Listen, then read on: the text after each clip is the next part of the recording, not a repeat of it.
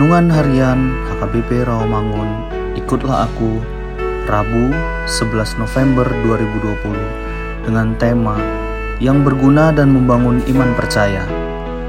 Bacaan pagi kita hari ini tertulis dalam Yeremia 31 ayat 31 sampai 34 dan bacaan pada malam hari tertulis dalam Matius 24 ayat 29 sampai 35 dan kebenaran firman Tuhan pada hari ini tertulis dalam 1 Korintus 10 ayat 23. Segala sesuatu diperbolehkan benar, tetapi bukan segala sesuatu berguna. Segala sesuatu diperbolehkan benar, tetapi bukan segala sesuatu membangun. Demikian firman Tuhan.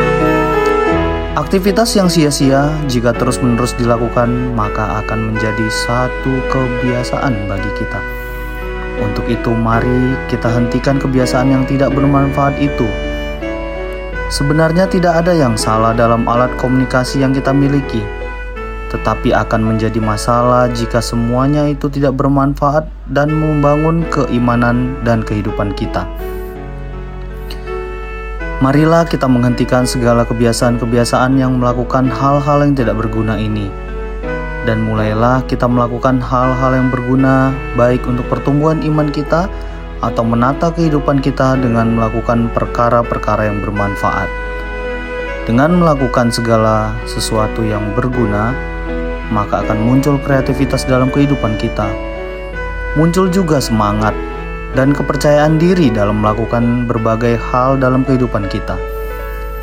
Hendaklah kita senantiasa hidup dalam hati yang bersyukur, meskipun menghadapi banyak persoalan dan pergumulan. Dengan sikap yang senantiasa mau bersyukur ini, tentu akan lebih baik daripada bersungut-sungut. Lebih baik memuji daripada ngomel atau mengkritik terus, dan lebih baik melayani daripada dilayani masih banyak hal lainnya yang bisa kita lakukan yang berguna bagi kita. Oleh karena itu, marilah kita memulai hari-hari kita dengan doa dan semangat untuk melakukan hal-hal yang bermanfaat atau berguna. Mari kita berdoa.